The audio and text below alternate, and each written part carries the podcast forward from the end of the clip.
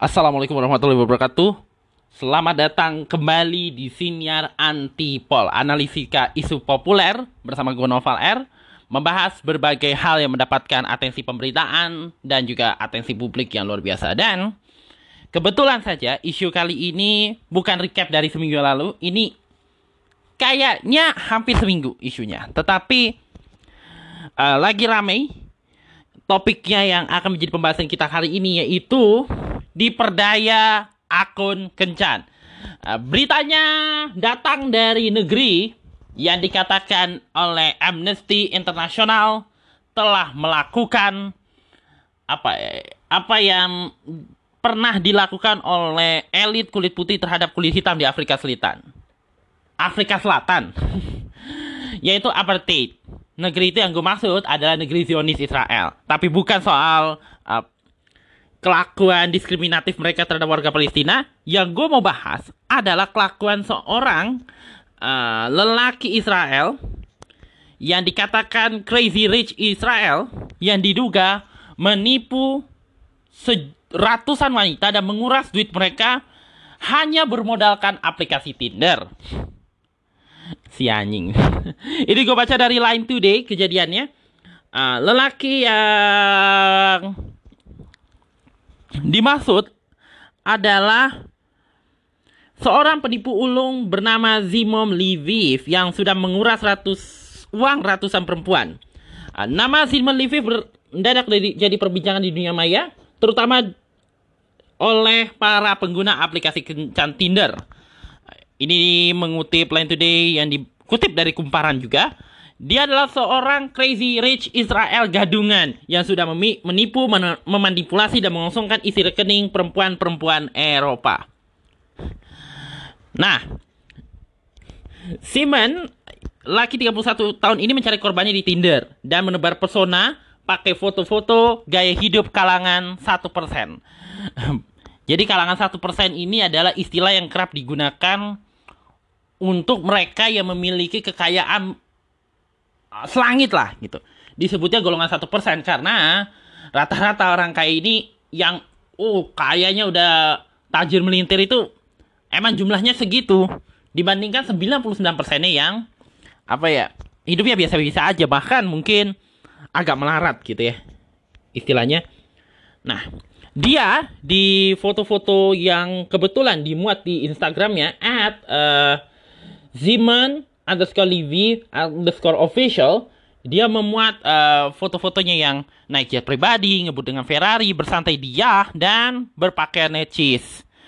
Profil menterengnya yang diperkuat dengan dalam tanda kutip statusnya sebagai CEO LLD Diamond, perusahaan pemasok berlian. Layaknya seorang pencerita yang baik, dia mengaku sebagai anak miliarder keturunan Rusia Israel. Jadi, uh, Sima Lviv ini melakukan apa yang kerap dicitrakan orang anak-anak orang kaya. Karena kan orang miskin tuh kadang-kadang melihat orang kaya itu ya bajunya necis dan segala macam. Padahal orang-orang kaya yang bener-bener kaya ya, real crazy rich, gak gitu. Kecuali kalau itu Hotman Paris. Tangannya di kalung-kalung, di gini-gini. Eh, saudara-saudara. Terus bajunya mewah dan segala macamnya kalau ya orang miskin melihat orang kaya tuh ya kayak uh, Hotman Paris gitu. Tapi mah orang kaya yang biasa-biasa aja nggak gitu sebenarnya. Jadi apa ya? Dia tuh boleh dikatakan Simon Levy itu kayak menciptakan ilusi orang kaya gitu. Yang dimaksudkan untuk membuat wanita-wanita ini terpesona. Nah, karena penampilannya yang necis itulah banyak perempuan yang langsung memutuskan uh, right Jadi langsung diteken untuk bisa ketemu gitu. Apalagi mereka akhirnya jadi terkesima sama Simon dan berpikir bahwa mereka berjodoh sama Christian Grey di kehidupan Natal. Padahal itu sebenarnya adalah jebakan yang disiapkan oleh Simon Leviev. Buat lu yang nggak tahu, uh, Christian Grey ini adalah figur daripada sebuah novel yang kemudian diangkat jadi film dan pen, film yang bahkan novelnya juga mungkin ya penuh dengan imajinasi imajinasi cabul imajinasi imajinasi bokep sialnya gue nonton lagi tuh filmnya. Uh, judulnya Fifty Shades of Grey. Kemudian dibikin juga uh, kayak universe-nya yaitu Fifty Shades Darker dan Fifty Shades Free. Freed sama satu lagi entah namanya gue lupa. Yang jelas tiga-tiganya dibikin film. Dan lucunya dua di antaranya gue nonton. Pertama kali itu tuh gue tahu Fifty Shades of Grey itu dari temen gue jadi lu mau nggak nonton film seru? Gue bilang. Ini kejadian masih SMA gue itu nih gue kasih satu film nih Val kata ya. Namanya judulnya Fifty Shades of Grey yang apa ya ada satu scene yang si ini ini ingin cabuli wanitanya di atas es batu. Penasaran dong. Namanya juga anak. Namanya juga orang awam yang penasaran dong. Akhirnya gue nonton. Bangsat. Itu film. Sampai teman-teman gue pada pada bereaksi gila lo Val nonton kayak gitu. Sampai ada satu temen gue juga. Bilang astagfirullahaladzim Noval lu nonton begituan Val e, pemicunya adalah gue waktu itu gue masih pakai BBM sekarang BBM udah mati ya. Masih BlackBerry Messenger ngechat. Gue bilang ini kok kejadiannya kayak Ana dan Grey gitu? Terus sih temen gue namanya Dewi bilang astagfirullah lu ternyata lu nonton begituan gitu. Terus jika pas kampus juga gue lagi tugas gue lagi buka-buka lagi iseng-iseng. Tiba-tiba ada lah lu nonton film begituan Val salah satu temen gue beneran dah. Jadi bisa dikatakan wanita-wanita ini berpikir bahwa mereka akan makan malam mewah diperlakukan bak raja ingin dicabuli seperti Anna oleh Christian Grey. Jadi berpikir bahwa Simon Levy ini ya seperti Grey lah yang dibawa ke pesawat mewah dan segala macam. Tapi ternyata dia menipu ratusan orang dengan estimasi kerugian hingga 10 juta. Kenapa akhirnya kisah kejahatannya Simon Levy ini terbongkar? Gara-garanya adalah sebuah series dokumenter film dokumenter kalau nggak salah bertajuk Twindle Swindler. Ini ada di Netflix dokumenternya ini uh, dia bisa lo tonton secara langsung dengan mau turun aplikasi Netflix. Uh, lu bisa pilih langganan sebulan itu 60 ribu kalau nggak salah.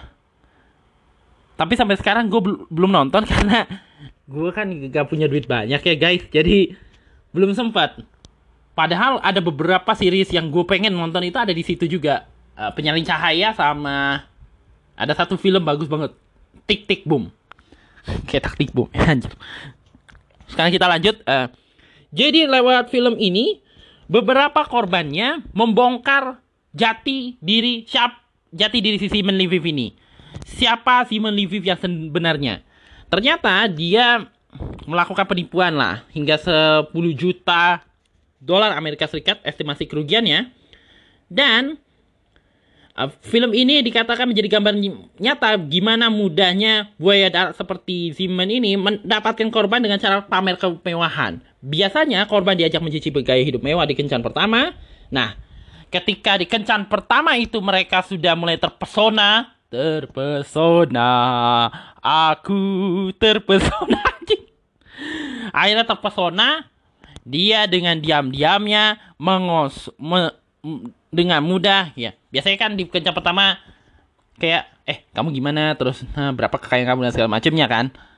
Dia dalam diam menguras isi duit mereka. Selama hampir satu dekade si Simon ini beraksi. Satu orang korban bisa ditipu puluhan ribu hingga ratusan ribu dolar Amerika Serikat. Korbannya menyebar di Norwegia, Inggris, Italia, uh, Yunani, Spanyol, Belanda, Finlandia, bahkan di negaranya sendiri pun ada yang kena tipu.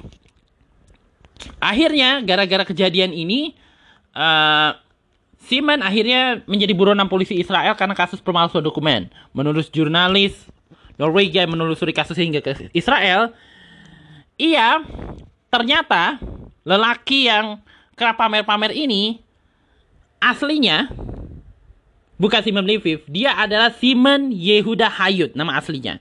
Dan alamatnya di rumah sangat sederhana. Bayangin, orang orang biasa gaya memamerkan gaya hidup mewah, membuat terpesona wanita, menguras duitnya. Tinggalnya di apartemen setara rumah susun. Gila nggak tuh? Gila, tau nggak? Kalau dipikir-pikir, gila itu orang. Tinggalnya di apartemen yang setara kayak ya apartemen DP 0 rupiah tahu nggak sih? Iya kayak gitu orangnya. Tapi dengan kepintarannya, kecerdikannya, kemampuannya berstorytelling, dan kemampuannya untuk memberikan ilusi yang dia anak miliarder gitu. Dia bisa bikin wanita terpesona yang akhirnya malah bikin dia wanita-wanita ini tanpa akhirnya akhirnya ya terjerat. Dan gara-gara kasus itu uh, apa ya? Akun Simon di Tinder ini dihapus oleh pihak Tinder dan dia dilarang memiliki akun sejenis di situs kencan tersebut. Belakangan juga uh, apa tuh namanya akun Instagramnya juga sudah dinonaktifkan karena kasus mencuatnya kasus ini. Nah, sebelum dinonaktifkan, Simon Levy sempat memberikan klarifikasi berkaitan dengan apa yang beredar di film Tinder Swindler ini. Nah, pernyataannya kira-kira gini. Terima kasih untuk semua dukunganmu. Saya akan berbagi kisah dari sisi saya dalam beberapa waktu ke depan. Ketika saya telah memilih cara terbaik dan paling terhormat untuk menceritakannya, baik dari pihak saya eh, yang terlibat dan saya sendiri. Jadi dia mau mengklarifikasi kisahnya itu dalam film dokumenter. Tapi malang tidak berbau. Dia akhirnya kemungkinan besar akan terjerat kasus kemungkinan besar. Nah, kalau dipikir-pikir kan, kalau lu baca kronologis ya emang gila nih orang. Bayangin, uh, lelaki biasa tinggal di apartemen ya setara rumah susun lah, setara kayak hunian DP 0 gitu lah. Tapi apa ya? Bergayanya tuh necis gitu dan dandannya sok-sok hype beast gitu kan karena kan sekarang lagi ngetren nih kayak baju-baju yang anak muda pakai baju biasa tapi ditambahin pakai jas segala macem gitu. Kan pakai pakaian sok-sok hype beast gitu. Naik kendaraan mewah dan segala macem yang sebenarnya cuma kedok aja gitu untuk menipu si perempuan ini membuat perempuan percaya bahwa oh iya memang nih orang kaya gitu. Aduh kalau kayak gitu mah Hotman juga bisa kali. Hotman kan tapi kan Hotman kan kaya ya si Hotman Hotman Paris maksud gue dalam hal ini. Hotman kan kaya ya. Kaya raya tajam melintir punya apartemen segala macam di sini uh, sering ngopi terus punya villa lagi di Bali. Sambil untuk dia santai-santai dengan WC-WC tapi tapi nggak macem-macem. Setia dengan istrinya. Malah malah anak-anaknya pada insecure sama bapaknya sendiri kalau nggak bisa sukses aduh lucu banget. Dibandingkan dengan si Ziman ya. Apa ya? Ziman tuh nggak ada apa-apanya kalau dibandingkan Hotman ya kalau dipikir-pikir ya. Kalau dilihat dari kelakuannya gitu. Ternyata dia bisa apalagi kalau dipikir dipikir-pikir ya. Apalagi setelah kita tahu bahwa ternyata dia melakukan itu ya sekedar untuk nguras duit nih cewek gitu. Nggak modal banget anjing jadi bisa apa ya kayak dulu tuh pernah ada kasus dulu tuh e, penipuan haji terus diyakini uangnya dipakai buat beli barang-barang mewah bikin butik segala macem. Tapi gue nggak tahu deh. Ternyata dengan kehidupan dia yang bak anak konglomerat itu dia bisa mengeksploitasi wanita untuk membiayai gaya hidupnya itu. Dan ternyata di artikel yang sama dikasih di tips ya untuk menghindari uh, menjadi apa ya mangsa seperti yang dialami oleh korban-korbannya Simon Leviv yang dipaparkan dalam Tinder Swindler. Pertama, pelaku membuat klaim yang berlebihan ini kata dating coach asal Amerika Serikat Emil, Emily Loves. Orang yang terlalu mencolok di aplikasi kencan sebenarnya nggak pernah punya me, gaya hidup mewah seperti itu. Bahkan menolak Bill saat pertemuan. Persis tadi yang kayak gue bilang. Ini orang udah mah dia hidupnya apa ya? Hidupnya sederhana gitu. Nggak kalau dilihat dari perumahannya udah kelihatan kan dari dia dari kalangan mana, kalangan biasa-biasa aja gitu. Udah gitu sok-sokan gayaan miskin gitu. Sehingga untuk bisa dapetin itu dia ya harus sanggup menghalalkan segala cara, sanggup menipu wanita. Kononnya dia pengen berkencan dengan wanita tersebut gitu.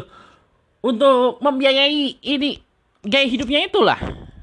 Jangankan si Mem Viv, banyak di antara kita yang juga bermimpi untuk hidup yang kayak gitu. Kayak gue denger siapa ya kalau nggak salah. Yang jelas gini, ada tapi ini pandangan umum ya. Kadang-kadang orang miskin tuh ngelihat orang kaya itu wah banget gitu. Pakai jas, apa ya? Pakai dasi, mobilnya mewah, pun apa pem, anak pewaris perusahaan, makannya di restoran mewah. Padahal mah orang kaya pada umumnya ya, orang kaya pada umumnya itu pakaiannya biasa-biasa aja kayak Jeff Bezos, mendiang Steve Jobs, Mark Zuckerberg, itu pakaiannya ya setelan kurnak kayak gitu atau pakai baju hitam aja gitu kalau hitam jangankan mereka gitu Pak Michael Bambang Hartono salah satu orang terkaya di Indonesia atlet bridge yang fotonya suka disalah kutip oleh media aja itu udah taj udah tajir melintir dari bisnis rokok bank dan segala macamnya pakaiannya ya pakaian pakaian kayak keseharian kita gitu pakai kaos gitu. Bahkan ada satu artikel yang dia katanya sering makan tahu gejrot. Seperti kita.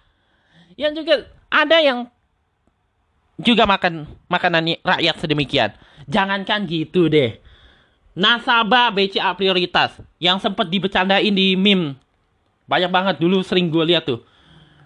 Nasabah BCA prioritas dikatakan tuh dalam meme itu pakaiannya itu nggak terlalu mencolok dibandingkan nasabah beca biasa gitu istilahnya pakaiannya mah kayak aki-aki gitu ya pakai kaos oblong celana pendek tapi duitnya oh dompetnya oh tebel sekali. Dibandingkan yang orang biasa yang pakaiannya kayak sosokan orang kaya gitu. Itu yang ya itu yang tergambar dari simbol orang biasa tapi pakaiannya ya sosok mewah gitu. Kayak pandangan ya seperti kebanyakan orang-orang yang biasa-biasa aja ngelihat orang kaya. Padahal mah orang kaya gak gitu gitu lah. Nah, itu tadi yang pertama, membuat klaim yang berlebihan. Yang kedua, orang yang perlu dihindari ini yang memperlihatkan dirinya sempurna. Orang kayak gini kemungkinan ada sesuatu yang disembunyikan. Bahkan kalau bisa menjauh kalau dia menyatakan cinta di pertemuan pertama istilahnya mah gini ya kalau nih orang udah baru ketemu terus dia bilang eh aku sayang kamu aku punya eh gimana caranya jelas oh gini gini jujur nih jujur li aku nih suka dengan penampilan kamu ini kamu dan segala macamnya so aku nih orang yang berkecukup bukan berkecukupan ya iya berkecukupan gitu punya kelebihan harta segala macam mau nggak kamu menjadi pacar aku? Orang-orang yang kayak gini, menurut artikel ini, perlu dihindari. Karena boleh jadi dia ada sesuatu. Kalau bisa di skip gitu. Kalau bisa, dorong atau tekan dia untuk jangan di kali pertama aja ketemu. Bisa kalau bisa sering ketemu gitu. Untuk tahu sisi ini orang kayak gimana. Jangankan gini ya. Kita aja kadang-kadang wanita ya kebanyakan bahkan laki ya bahkan baru tahu sisi lain dari pasangan kita tuh setelah menikah rata-rata tuh pas pacaran mungkin ya kelihatan gitu ya siapa kita yang sebenarnya pas nikah baru deh kelihatan dan itu kadang-kadang bisa menyumbang kepada konflik rumah tangga ini mah belum nikah belum apa-apa udah berani ngomong yang dirinya paling sempurna kalau nanti ketahuan belangnya pasti repot itu masih repot. Itu yang tadi kedua. Pertama tadi. Nah yang ketiga. Hubungan orang yang kayak ya yang tipe-tipe mau menipu ini hubungannya tuh berkembang dengan cepat. Kenapa? Karena dia ingin mendapatkan yang diinginkan dari si perempuan itu. Jadi setelah lu berhasil mendekatkan si perempuan ini, terus dia pengen hubungannya berkembang dengan segala macam. Padahal mah kalau dipikir-pikir kan hubungan percintaan tuh nggak bisa secepat itu. Kadang-kadang ada aja si ceweknya itu slack gitu atau nggak suka gitu. Kayak gua gitu lah. Gua gua sampai sekarang masih bingung cara ngedeketin cewek yang cara untuk membuat perempuan jatuh hati. Karena dari berapa kali gue punya hubungan itu selalu gagal, bahkan dibenci gue. Tapi orang-orang yang apa ya punya niat jahat di balik dia ingin dating gitu dengan memanfaatkan perempuan-perempuan yang mencari pasangan yang lewat dating apps tuh biasanya ingin hubungannya cepat terjadi biar dia bisa memuluskan niat jahatnya. Kira-kira gitu. Terusnya dia akan mengajukan banyak pertanyaan. Orang-orang yang kayak gini. Apa ya? Biasanya kalau dia udah ketemu tapi sebenarnya ini hal yang normal sih kalau mengajukan pertanyaan untuk orang yang baru kenal atau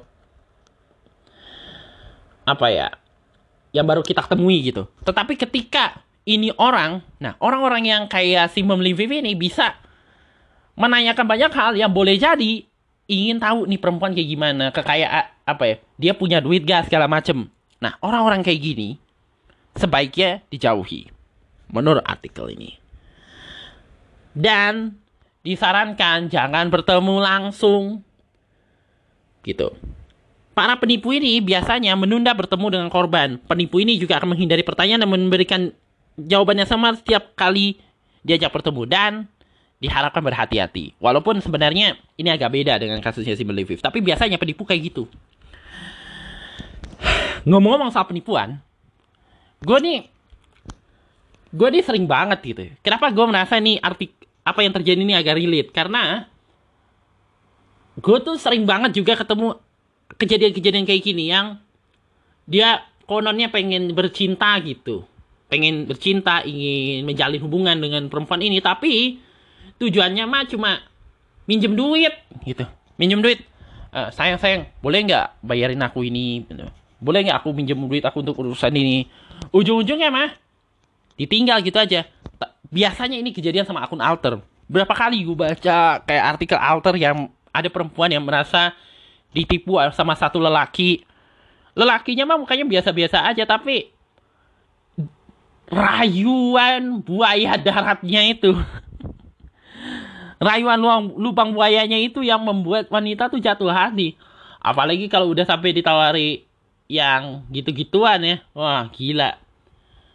Ya agak mirip-mirip sama kejadian Christian Grey gitu kan. Ban kan kebanyakan korban ini kan tertipu karena berpikir wah bakal diajak kayak tipis-tipis Christian Grey nih gitu bisa gue tarik gitu eh, alih-alih bisa menarik cowok ini untuk dia kuras dia kuras cintanya dan segala macamnya dia yang dikuras kasihan tau dan ya dalam kasus ini wanita tuh selalu jadi korban gitu wanita-wanita ini banyak yang jadi korban karena tertipu sehingga apa ya? Mereka jadi boleh jadi ya, bahkan akan membuat mereka jadi akan sanksi ketika ketemu pasangan berikutnya. Makanya uh, series kayak Tinder makanya gue rasa ini mungkin alasan kenapa Tinder Swindler ini jadi viral gitu ya. Karena banyak yang relate dengan hal ini. Banyak yang mungkin mengalami apa ya pengalaman ditipu sama cowok gitu. Dan kasus ini jadi pengajaran sih kalau dipikir-pikir ya. Bahwa kita nggak boleh terlalu percaya gitu sama pasangan kita. Bahkan mungkin di pertemuan pertama kita jangan terlalu percaya gitu nggak kira ini perempuan kayak dengan lelaki gitu bila ketemu lelaki atau lelaki bila ketemu perempuan. Kita harus bisa tahu apa ya, mendalami dulu gitu. Meraba-raba gitu. Jangan sampai apa istilahnya ya? Kita kemudian dalam tanda kutip tuh menyesal karena ternyata mungkin lelaki atau perempuan yang kita dekati ya mungkin ngedekatan kita sebab harta gitu. Kita punya kecukupan duit punya apa ya punya privilege gitu. Yang terjadi sama perempuan perempuan korbannya si Simon ini ya seperti itu kan.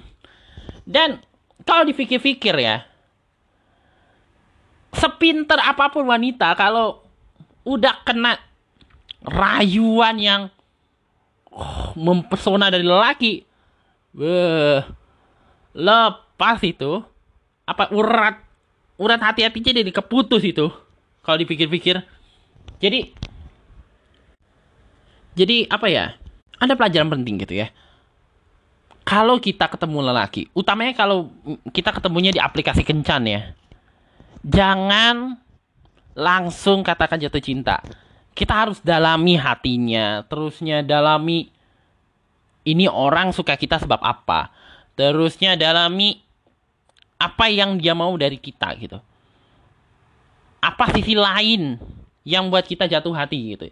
Jangan apa ya, sebab perkataan nih lelaki atau perempuan kita langsung percaya gitu. Kita harus tahu punya sensitivitas gitu dalam hubungan. Apalagi kalau misalnya hubungannya mau dibawa ke serius gitu. Kalau tiba-tiba ditinggal kawin kan lucu ya, Bo. Jadi kehati-hatian dalam berhubungan adalah kunci utama agar kita selamat. Baik secara kehidupan, baik secara apa ya istilahnya? Secara finansial dan juga lebih baik dalam masa depan hubungan. Jangan sampai ketidaktahuan kita membuat kita jadi nah apa istilahnya kenaifan kita membuat kita jadi sungkan jadi apa ya istilahnya jadi insecure kalau kita ketemu misalnya lelaki yang lain atau perempuan lain karena kan sekali orang ditipu orang tuh traumanya bisa luar biasa seperti yang terjadi dengan korban-korbannya si Liviv ini jadi itulah pembahasan kita untuk episode antipol kali ini. Masih banyak lagi topik-topik menarik yang akan gue bawakan di episode-episode antipol berikutnya. Kita bertemu lagi di episode berikutnya. Sampai bertemu lagi.